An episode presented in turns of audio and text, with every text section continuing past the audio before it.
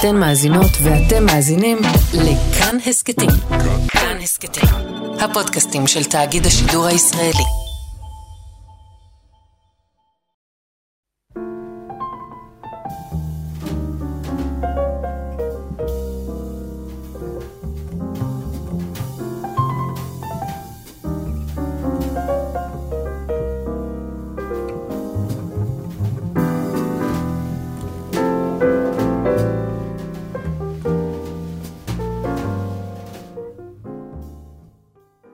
שבת שלום. צהריים טובים. ברוכים הבאים להתבודדות, כאן עמיחי חסון. ויאיר אסולין. במסלולנו השבועי אל עבר uh, מה שקרה, יקרה, וגם הזמן שמבאר.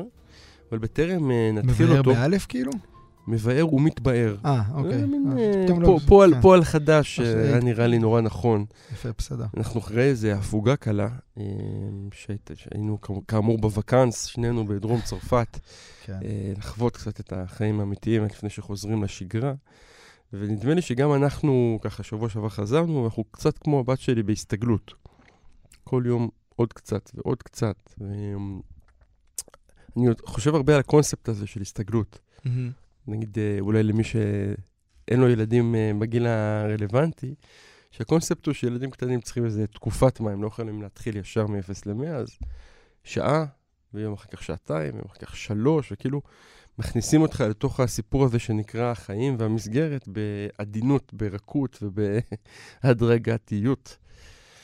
ואני מאוד רוצה לחשוב איך אנחנו מסתגלים לסיפור הזה. השאלה אם העניין הזה של ההסתגלות, הוא, הוא כאילו, הוא משהו שאתה שמח איתו?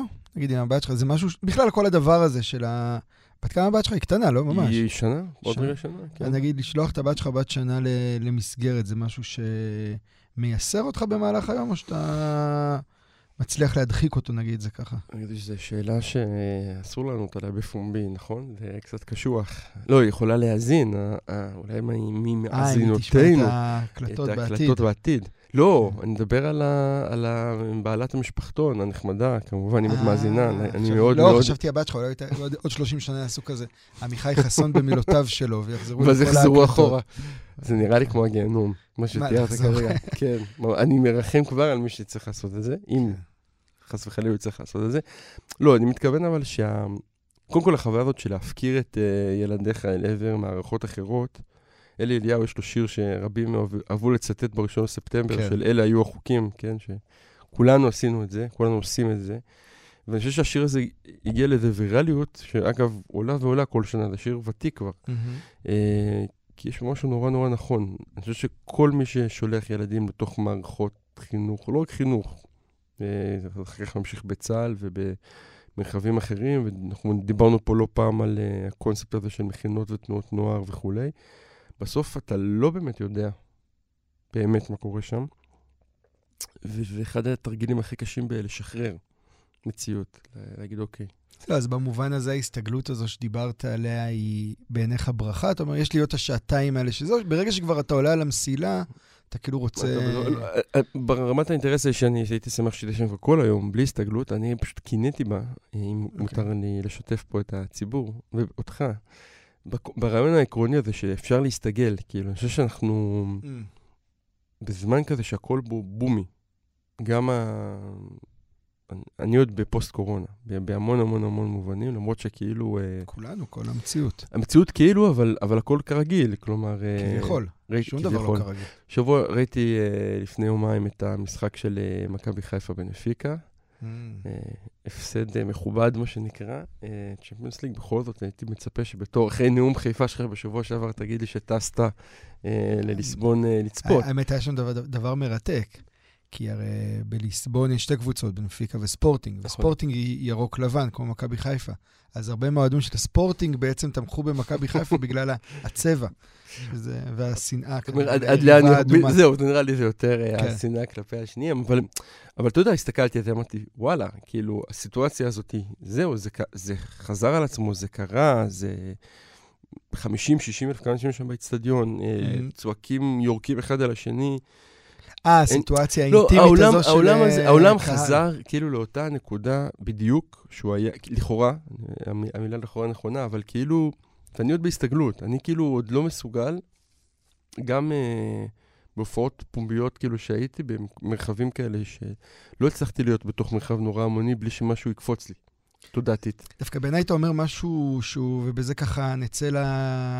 לתוך המסע שלנו, בעיניי אתה אומר משהו מאוד מאוד חשוב על הסתגלות בכלל. כי ה... אני חושב שהבומיות הזו שאתה מדבר עליה, היא דווקא בגלל שאנשים כאילו חזרו למה שהיה, אבל הם יודעים שזה כבר לא דבר אמיתי. ואז הכל מתקיים באיזה אופן מלאכותי של בומים, אבל הסתגלות שהיא בעצם טומנת בחובה רעיון של תהליך והתהוות ומשחקיות מסוימת, כל הדבר הזה כמעט לא יכול להתקיים במצב ה... אתה יודע, באמת במונחים פסיכואנליטיים, במצב כמעט פסיכוטי שהמציאות נמצאת בתוכה, ולכן יש אשליה של איזה חזרה, בתשו... בחזרה לשגרה. אולי גם חזרה בתשובה, אבל uh, בעצם התהליכיות שהיא הקיום הנורמלי או אי הנורמליות לא יכולה להתקיים בזמן כזה.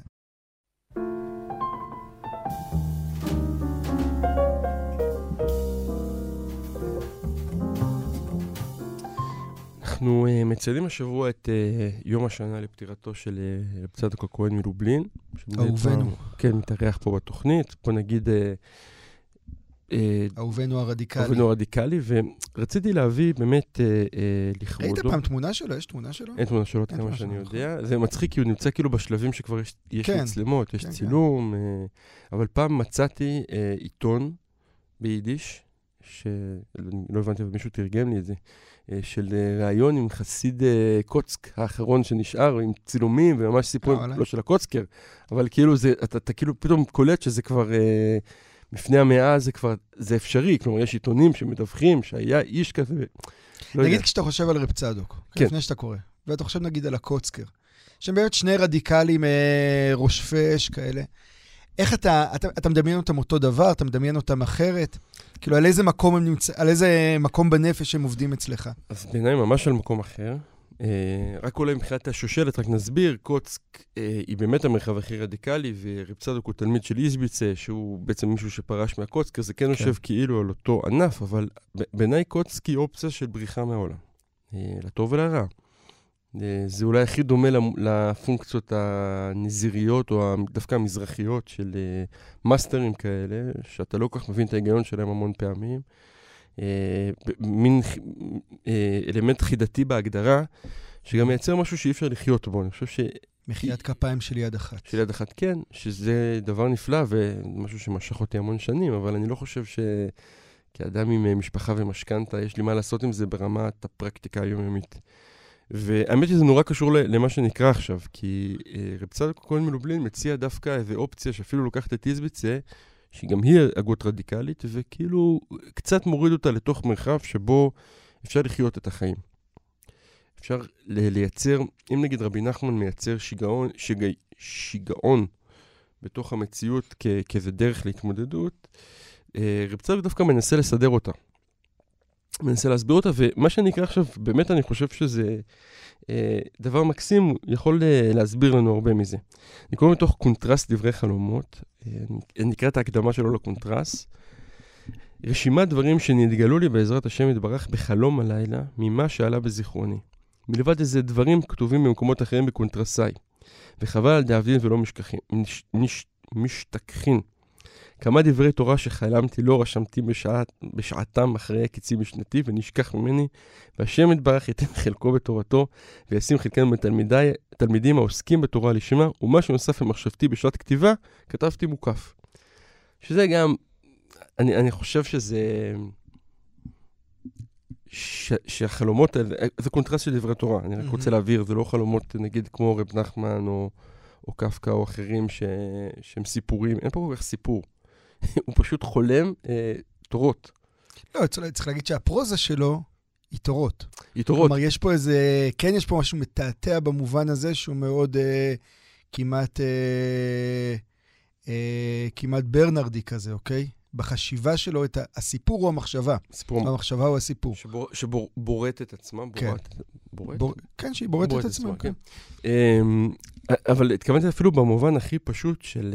Um, באיזביץ זה דווקא מדובר המון פעמים, לא דווקא, אבל באיזביץ מדובר המון פעמים על זה שאדם, אה, כשהוא נשלם, באמת אה, אין, אין לו זמן לדברים אחרים. כאילו, מה שיש לו זה רק הסיפור הזה שהוא, שהוא שרוי בו.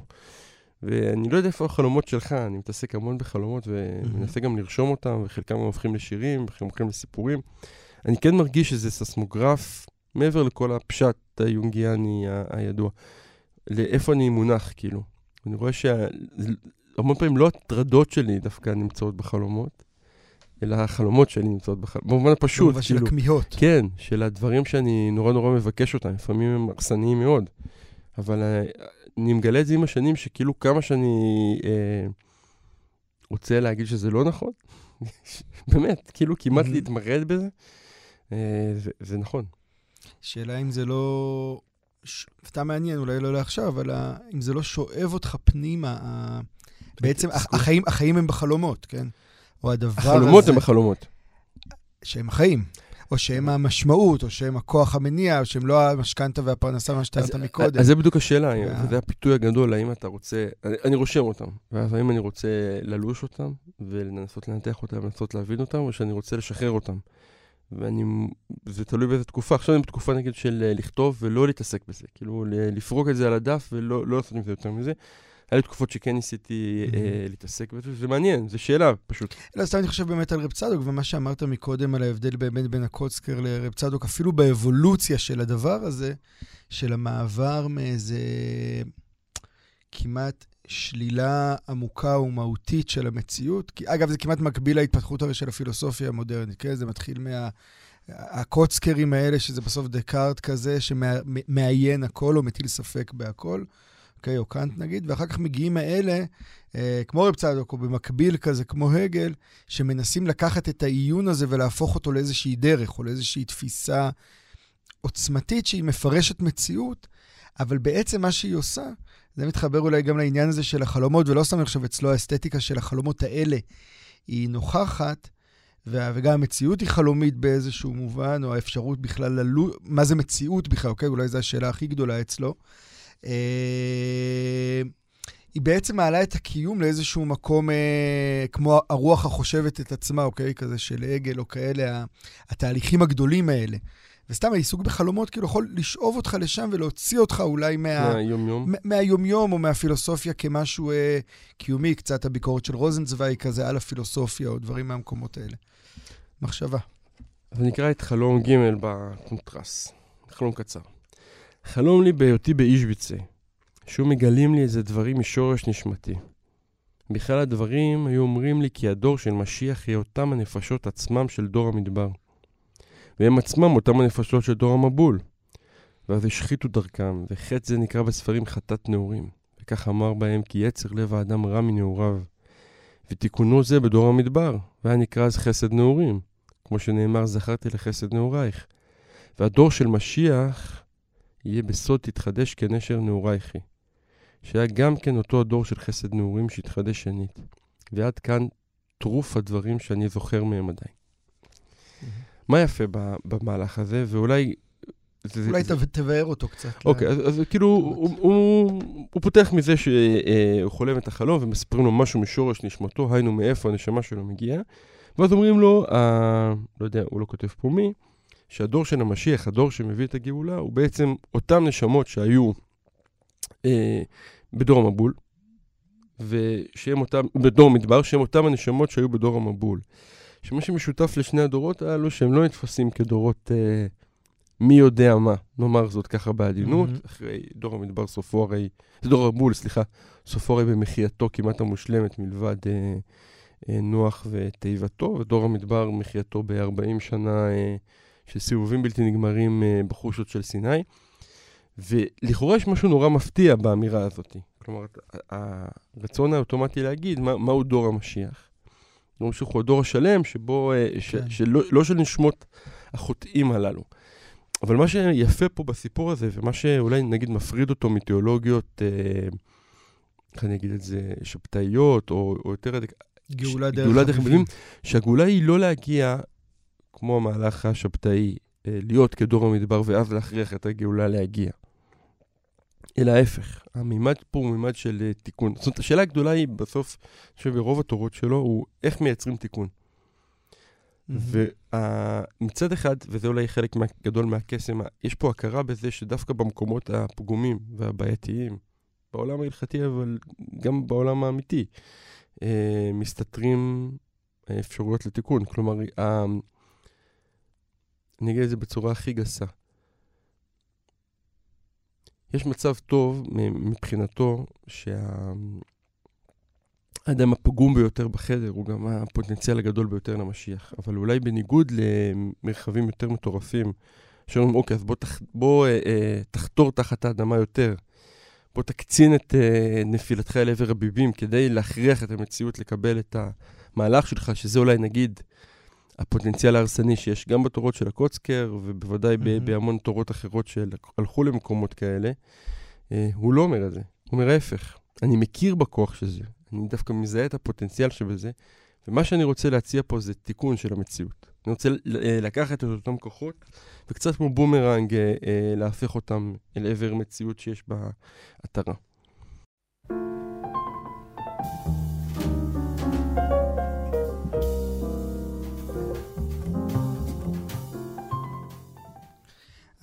אני רוצה להמשיך דווקא את, ה, את הדיבור שלנו על רב צדוק ועל מה שאמרת, כי אני חושב שהוא מתחבר הרבה לפתיחה שלנו, למה שאתה דיברת על ההסתגלות ועל ה... ומה שאני ניסיתי להגיד לפחות על, ה... על זה שיש זמנים שבהם אפשר, אין, אין את הפנאי להסתגל, או אין את הקפסיטי הנפשי כדי להסתגל. ואני חושב שאפשר לקרוא את, ה... את מה שהקראת באמת, את החלום הזה. של רב צדוק ואת הסימון הזה של דור uh, המבול ודור המדבר כדורות uh, ש, ש, שמהם... פוטנציאלים. פוטנציאלים להבאת המשיח. ואפשר באמת למסגר את זה כסוג של uh, הכי, חלש, המקו, הכי חלש בחדר הוא עם הפוטנציאל הכי גדול. אבל אני חושב שהוא אומר משהו יותר עמוק, שמעניין, uh, כן, לסמן אותו, כי הוא מאוד, אני חושב, רלוונטי לזמן שאנחנו חיים בתוכו. וזה ההבנה שגם דור uh, המבול וגם דור המדבר היו דורות שה... שכאילו כמעט במודע או שלא במודע, מסרו את נפשם כדי שייווצר הדבר החדש. כלומר, גם בדור המבול, כל העולם החדש שנוצר מנוח והלאה, הוא בעצם, אי אפשר לנתק את נוח מהדור שהוא קיים בתוכו, אז תמיד יש את הדיונים האלה של uh, נוח בדורו וכולי, אבל ברור שה... כל הדור הזה הוא קרב בשביל המהלך הזה, אוקיי? או בשביל הקפיצה הזו שנעשתה. ואותו דבר גם דור המדבר, כלומר, שהוא נקרא דור המדבר, אני חושב בדיוק על שם המדבריות הזו, או הריק הזה, שכאילו העם, עם העבדים הזה שהיה במצרים היה חייב לעבור כדי להפוך להיות עם. וכאילו, אני חושב שבאמת אנחנו תמיד נוטים, אה, אפרופו אפילו, אולי קצת מה שאתה אמרת על הקוצקר, במובן הזה של, ה, של החיפוש אחרי הפרקטיקה או, ה, או המציאות, יש משהו בזמנים האלה שהם כאילו זמנים שהם. זמנים מבוזבזים כמעט, אוקיי? מה זה אומר זמן מבוזבז? גם, נגיד, גם דור המבול וגם דור המדבר, כשאנחנו מסתכלים עליהם, בטח מנקודת מבט, מבט מערבית, שהיא מכוונת uh, תוצאות, אז אלה זמנים מבוזבזים, אוקיי? 40 שנה, בזבזנו כאילו את ה-40 שנה, זה היה עונש, הם נתקעו שם, הסתובבו בין החושות, כמו שאתה אמרת וכולי. אבל תראי כמה דברים התרחשו, כאילו, כמה אנחנו ברור, חוזרים לתוך 40... ברור, זה מה שאני אומר. אני חושב, הגאונות הרי של, אפרופו תהליכיות, הגאונות של הסיפור היהודי זה להגיד, זה הדבר הכי חשוב. אוקיי? זה מה שרב צדוק אומר במובן מסוים, משם יכול לצאת המשיח. כלומר, בלי הדבר הזה, בלי ה-40 שנה, בלי החטאים העמוקים, בלי, בלי עגל הזהב, אוקיי? שרב צדוק תמיד מסתובב סביבו בכל מיני צורות uh, מטאפורית ולא... Uh, בלי הדברים האלה, לא יכול לצמוח, לא רק במובן של גאולה דרך חביבים, או, ה, או לפחות הדימוי ה... ה... תמיד אני רואה אותו כמו סרטים של uh, אנטוניוני כזה, דימוי כזה פרוע כזה של אה, גאולה דרך חביבים, משהו כזה מאוד מלוכלך, כאילו, אוקיי? זה אנטוניוני ולא אה, אה, פזוליני, אבל כן. גם פזוליני במובן הזה, נכון. אבל העולמות האלה, כאילו המלוכלכים, אז לא המובן הזה, אלא בעיניי דווקא במובן של האפשרות של תקופות, או ההכרה בתקופות שבהן דברים חדשים מתהווים, ואולי בדיעבד כאילו נראה שדילגנו עליהם ועברנו הלאה, אבל בלעדיהם זה לא יכל להתהוות. ומשיח מגיע כשאנחנו מאפשרים, ספרות מראה את זה תמיד מאוד מאוד חזק, שגאולה נגיד ביציר, בטקסט אני חושב נוצרת כשאתה משאיר מספיק מקום כדי, מבוזבז כביכול כדי לעבור את התהליך. אבל כמה קשה לבוא ולהגיד, אנחנו דור המדבר. אנחנו הדור שלא... זאת אומרת, זה, זה, כי זה הדבר הכי טרגי שיש, אבל גם הדבר עם הכי הרבה פוטנציאל. אני חושב שאנחנו היום בזמן שהוא מדבר. ומה שאתה תיארת, אפרופו פוסט-קורונה, אבל עוד לפני הקורונה, אני חושב שאנחנו מתקיימים היום בזמן שהדבר הכי חשוב לעשות אותו כדי לשרוד או לצמוח או להתפתח, כן, שלושת השלבים האלה, זה להכיר בזה שאנחנו סוג של דור מדבר, כן, אנחנו בין לבין, בין סיפורים, בין תפיסות, ואם אתה לא מכיר בזה, אגב, אז אתה באמת נמחה. כלומר, אני חושב שזה הדמות הזאת של נוח, דבר, דבר היחיד שידע לעשות, זה לשמוע את הקולות האלה מהמציאות ולהכין תיבה. כלומר, להכיר בזה שהיא כאילו בין לבין. ולצורך הזה תשתבלל. להסתתר ו... ולהקשיב למציאות פשוט. אז נדמה לי שזה גם עוד איזה שכבה בדבר הזה של רב צדוק.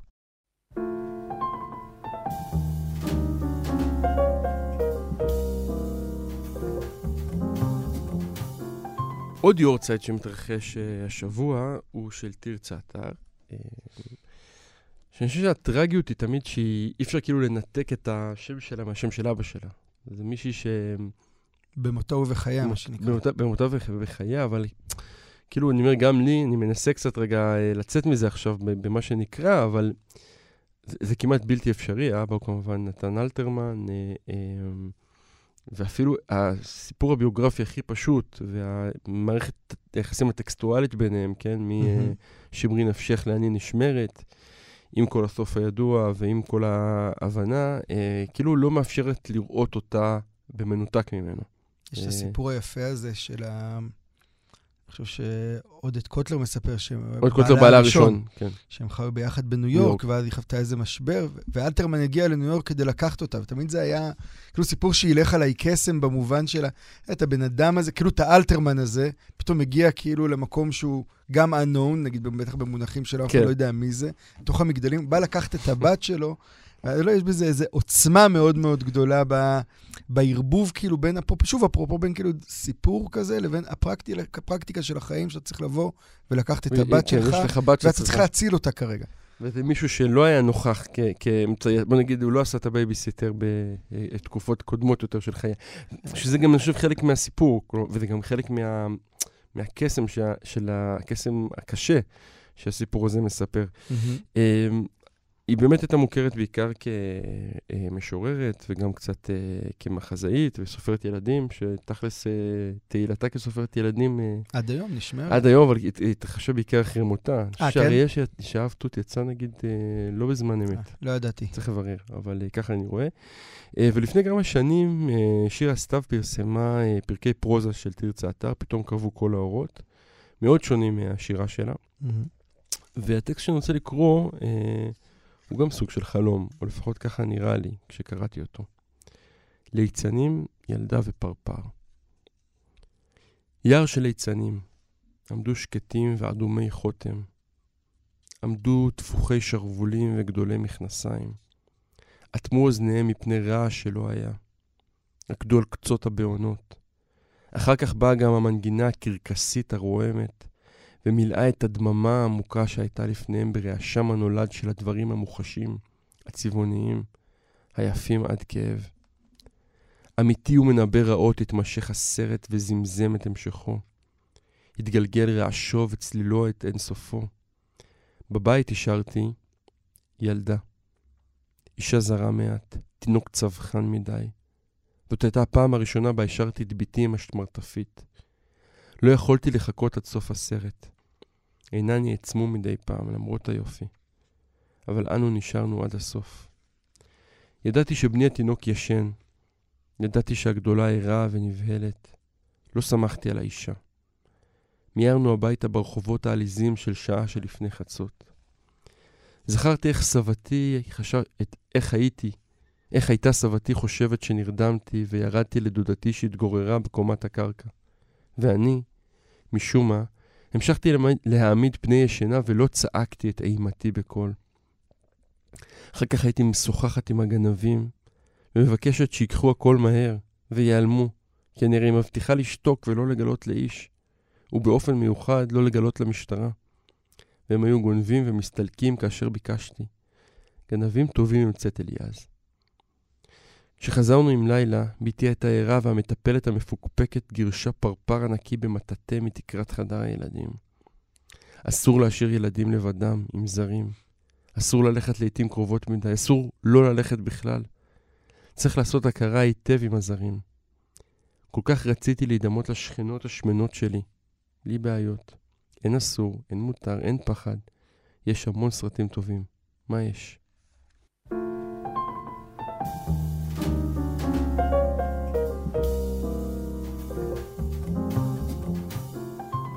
גם רוצה להקריא איזה קטע פרוזה, אה, מתוך ספר שיצא, אני חושב, ממש לא מזמן, של אה, סטיבן אה, הגארד, שאני לא הכרתי אותו. יש לו סיפור מעניין אבל. כן, את הסיפור, אגיד שהוא משורר וסופר ושחקן, אני חושב, מחזאי בריטי,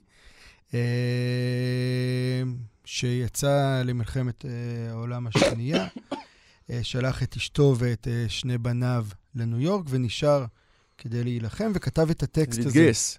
והתגייס, כן. נשאר כדי להילחם, התגייס לצבא באיזשהו שלב, וכתב את הטקסט הזה שנקרא "אשכב לישון בצהריים", מכתב של חייל אל בניו, רק נגיד שזה יצא בהוצאת אפרסמון, uh, המאוד מעניינת.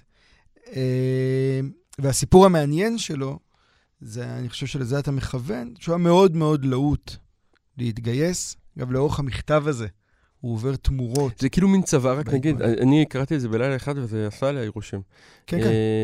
זה, זה מעין צוואה רוחנית כזאת, כאילו ל, לילדים, ל, להסבר, אבל אחר כך היא מתערבבת באמת עם, עם... עם המפגש הזה. של 아, ה... אני אומר, קודם נגיד שהטקסט הזה עצמו הוא צוואה רוחנית לילדים, הוא כמעט... גם אפולוגטיקה לילדים, כן? יש שם המון הסברים והמון איזה הקשר שהוא מנסה לתת. יש שם תשוקה מאוד מאוד חזקה אה, להילחם, למלחמה. ל... הצודקת. הצודקת, אל מול אה, גרמניה, האכזבה העמוקה שלו מהגרמנים עצמם. וכשאתה קורא את זה, אני קראתי את זה בלי שקראתי עליו. Mm. פשוט זה, זה הגיע אליי בדואר, וקראתי, ו... אה, וכשאתה קורא את זה, אתה בעצם שותף לרצ... אתה מבין, הוא, הוא מת בסוף, נגיד, הוא מת במלחמת העולם השנייה. כן, רק שהוא התאבד. בדיוק. ואתה קורא את זה, אתה בטוח שהוא מת. בשדות אה, הקרב. בשדות כן. הקרב, מתוך תשוקתו העזה והילדים וכו', ואז אתה מגלה שהוא התאבד במצרים, והוא מתאבד בגלל אהבה נכזבת. כלומר, משהו שמייצר איזשהו הקשר אחר לזה, ואני חושב דווקא בדיעבד מוסיף עוד איזו שכבה של ה... המתח בין כן, כשאתה כותב טקסט כזה, כמה אתה כנה, וכמה אתה אמיתי בתוך הדבר, וכמה זה טקסט שבעצם נועד לס... לשלוט בסיפור שלך אחרי מותך אם יגיע וכולי. על המון טקסטים שאנחנו כותבים, כן, שבעצם מדמיינים את מה שיקרה אחרי. מה שיפה פה בעיניי, זה שכאילו זה הא בהא תליא. כי נקודת המוצא היא, אני אשלח את הילדים ואת האישה החוקית אל עבר אה, מקום מבטחים, ואני אסתכן ועם הסכין בין השיניים ארוץ להציל את העולם, ויש פה גם דיבור מאוד, אה, שהוא אגב, אה, הוא עושה איזה משהו, אני חייב להגיד, בכלל, של העולם. הפטריוטיות. כן, כן, כן, כן, כאילו, ממש, זה היה נורא מעניין, אני חושב שלא חוויתי, לא קראתי המון טקסטים פטריוטיים כאלה שעשו לי נכון. איזה קווץ' כזה, שאמרתי, וואו, וואלה. אה, הוא גם לא כתוב בצורה מדהימה, פשוט משהו שם מאוד אה, אה, מונח כזה, כאילו, ואתה אומר, נכון, נכון, ככה. ואז פשוט, זה מה שהתכוונתי למפגש עם החיים, אני לא חושב שהוא שיקר לעצמו שהוא כתב את זה. אני גם לא חושב. אבל החיים לקחו, לקחו את זה למקום אחר, כאילו, ובחיים פתאום יש מישהי אחרת, יותר חשובה, מהאוצר היקר שנשלח מעבר אל האוקיינוס. והיא אפילו יותר חשובה מהרצון להילחם ולחשוב, יש פה המון דיבור על העתיד של העולם, של האנושות, mm-hmm. היא אפילו יותר גדולה מזה, והיא מספיק, העוצמה מספיק חזקה בשביל לדפוק לעצמך כדור בראש, כאילו, כן. זה... זה לא, אני, אני, אני, חושב, אני, אני, אני מסכים, אני חושב שזה גם הכוח שלו ככותב, במובן הזה שהוא, הכוח של הטקסט הזה, ובאמת זה טקסט חזק, שאני חושב שממש כדאי לכל אחד לקרוא. זה שמי שכותב אותו הוא קצת אינפנטיל, כאילו. גם ברעיונות, אוקיי? גם בתשוקה, גם בזה. זה, זה כוח מאוד מאוד משמעותי, ואני אקריא איזה קטע מתוך זה. ממש לקראת הסיום. אור יום עכשיו, העיר מתעוררת לחיים, אני שומע עגלת פסולת מקרקשת במרחק כמה רחובות מפה ואת הדינדון החלול של הפחים שרוקנו. מכונית או שתיים עלו בגבעה בשאגה, קולן כקול מטוסים בבוקר הדומם, ורגליים עמלניות צועדות ברחוב. אבל הבית עודנו ישן, עפעפיו עצומים אל מול האור המתחזק. הוא כאילו ממאן להתעורר, כאילו מנסה כמו יען להימלט מהצער על ידי סירוב לראותו. ליבי אינו נותן לי להטיל בו דופי. זו איוולת, אבל איוולת אהובה. כשאני מביט בבית, אני מתמלא רוך, הוא כה בוטח, כמו ילד עייף שישן. הייתי רוצה לשבת פה עוד שעה ארוכה מול חלוני שלי הפתוח, בעיני הצופייה ולגונן עליו מפני הלם ההתעוררות. או טוב מכך, להרגיע אותנו בשנת נצח. מדוע שיתעורר משינה כה שלווה אם אפשר שפצצה גרמנית רק תטיח אותו בגסות בחזרה אל האבדון? הייתי רוצה לשבת כאן לעד כשאור השמש הראשון מתגנב לאורך המדשאה, והשחרור הזה מפזר אגלי, והשחרור הזה מפזר אגלי טל מעלי, מעל עצי הלילך. אך מפיסטופלס המתין דיו וסבלנותו אוזלת. עוד זמן מה, אולי שעה יוכל פאוסטוס להתנחם בחלומותיו, לרטון על, לרטון על הדברים שלא הספיק, על השירים שלא כתב ועל השפתיים שלא נשק. עוד שעה קלה הוא רשאי לדמיין שהוא אדם חופשי, אדון לנשמתו, בעל חזון, אל רוכש כוח בריאה. אך מפיסטופלס אורב מאחורי כלאי מחשבתו, ומטלטל את מחטת הקטורת המרושעת שלו בהיכלות דמיונו. עם מלאך המוות יש לי ראיון, אי שם, על סוללה מופלאת.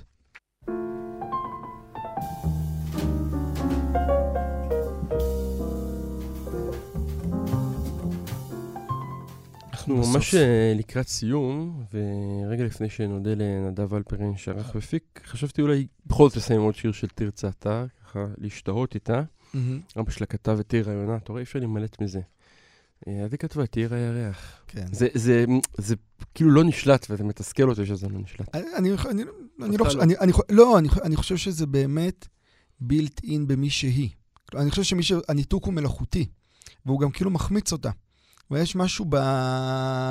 כאילו, אתה אומר, אני לא עושה לה חסד כשאני מנסה לנתק? אני, אני חושב שאתה פשוט מפספס אותה, כי אני חושב, הפרויקט הכי גדול שלה היה התמסרות שלה לאבא שלה. עיר הירח. כאילו אנחנו אחר המסע אל בקעה שבלב הירח. הלב זרחני ומתקתק, משואות ירוקות נישאות לאות לרחוקים שעודם בדרך. אנחנו שם, באשר אנו שם. מכאן באות הצוללות ולחשן, באות אל החלון, ועם עדן הרוח שבשביסי המלמלה והעשן. מכאן נולדים הקולות היפים, וכל מה שרואים ואף פעם אינו שלנו. אנחנו כאן, להתראות. אנחנו לבד איתנו. נחים לדקה יודעים, זו איננה העיר שלנו. הרגע הזה הוא מבלי נשימה, מבלי להבין שנרדמנו. הנה, עוד מעט תיקרא לתפילה בהיכל מדומה ועתיק, ושלבות וחום. הפוכה ומקומרת תקרת החלון, שמתחיל להיות עולם. ויש שם מלוא העולם כבודו, אלוהים חזק וחכם. אחר כך נשוב, נאמר שהתפללנו בעבור כולם. יוני דואר לבנות צווארונים ילבונו עד קצה החולות והים. נסענו לירח שנים לפני שהייתה שם קורנות הברזל. השארנו שם עקבות רגליים ורוח בתוך הצל.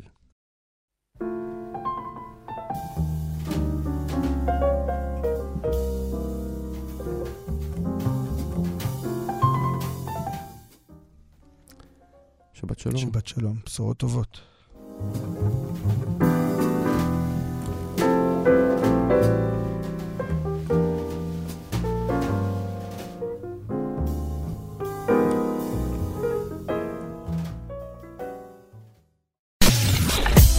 אתן מאזינות ואתם מאזינים לכאן הסכתים. כאן הסכתים, הפודקאסטים של תאגיד השידור הישראלי.